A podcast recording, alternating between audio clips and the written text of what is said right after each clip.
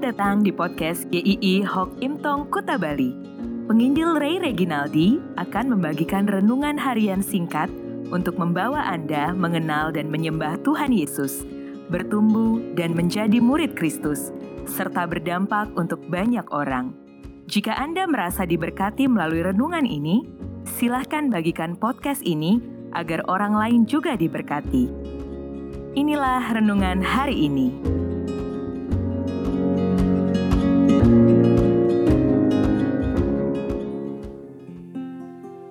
Sayang untuk dipendam. Matius 25 ayat 29. Karena setiap orang yang mempunyai kepadanya akan diberi sehingga ia berkelimpahan. Tetapi siapa yang tidak mempunyai, apa pun juga yang ada padanya akan diambil daripadanya.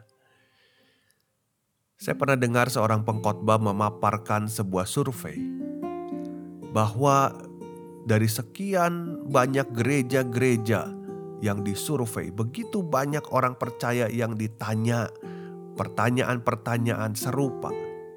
Hanya sekitar 5 sampai 10% saja orang Kristen yang ikut terlibat di dalam pelayanan. Baik itu di dalam atau di luar gereja. Sayang sekali banyak karunia rohani yang terpendam yang seharusnya bisa menjadi berkat Bayangkan kalau persentase itu naik sampai 50%, bahkan 75%. Bisa bayangkan dampak sebesar apa yang dapat diberikan oleh orang-orang percaya. Dari perumpamaan Tuhan Yesus, ada tiga orang dipercayakan sejumlah talenta untuk dikembangkan. Ada yang lima talenta, ada yang dua, dan ada yang satu talenta.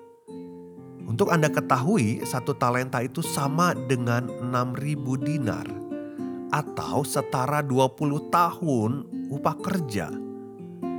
Jadi satu talenta saja itu jumlahnya sangat banyak untuk bisa dikembangkan. Tetapi dari tiga orang itu hanya dua orang yang mengusahakan talenta itu. Yang punya lima dan dua talenta yang satu talenta tidak berbuat apa-apa. Tuannya berkata, "Kalau kamu tidak mau, suruh saja orang lain menjalankannya, kamu juga akan mendapat hasilnya." Tetapi dia malah diam saja, dia tidak melakukan apa pun juga. Maka hamba yang tidak melakukan apa pun disebut sebagai hamba yang jahat dan malas. Sayang sekali, bukan?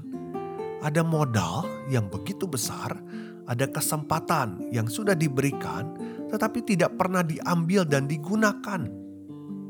Akhirnya, hidupnya hanya sia-sia saja. Segala sesuatu yang kita lakukan sebelum di dalam Kristus itu bisa dihitung hanya sebagai kesia-siaan saja. Kita tidak tahu arah, tujuan hidup kita salah, akhir hidup kita pun akan binasa tetapi ketika di dalam Tuhan Yesus semuanya berubah. Kita diberikan kehidupan baru dan jaminan keselamatan. Orang percaya pasti diberikan karunia untuk bisa berkarya buat Tuhan. Tidak akan menyimpannya dan mendiaminya begitu saja. Waktu remaja, saya memandang diri saya ini tidak bisa apa-apa. Saya tidak pintar ngomong, saya orang yang gugupan kalau ada di depan banyak orang untuk berbicara. Gak ada passion untuk sesuatu yang begitu menggebu-gebu. Saya sampai sempat bingung memilih jurusan kuliah dulu apa. Gak ada yang begitu menonjol dalam hidup saya. Tetapi dalam perjalanan hidup saya dibentuk oleh Tuhan. Banyak hal yang bisa saya kerjakan sekarang ketika mengambil kesempatan yang Tuhan berikan mulai dari hal-hal yang sederhana. Ada hal-hal yang sangat baru untuk saya pelajari, tetapi saya melihat bagaimana Tuhan bekerja. Ketika kita mau melakukan sesuatu yang Tuhan percayakan, Tuhan akan tambah-tambahkan itu. Seperti firman Tuhan, karena setiap orang yang mempunyai, kepadanya akan diberi, sehingga ia berkelimpahan.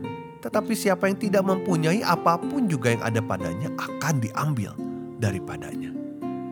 Jika Anda sudah percaya Tuhan Yesus, Anda diberikan tugas untuk mengembangkan karunia yang Tuhan berikan agar menjadi berkat buat orang lain, supaya itu memuliakan Tuhan. Ayo, jangan dipendam saja, jangan disimpan saja. Kalau Tuhan sudah memberikan hidup yang baru buat Anda. Artinya Anda juga dipercaya sesuatu yang indah untuk Tuhan. Kalau Anda dipercaya sesuatu, jangan dengan mudah menolaknya. Berdoalah minta pimpinan Tuhan. Jalanilah itu bersama dengan Tuhan. Ingat, setiap hembusan nafas kita begitu berharga untuk kita menjalaninya bagi kemuliaan Tuhan. Sampai berjumpa dalam episode selanjutnya. Tuhan memberkati.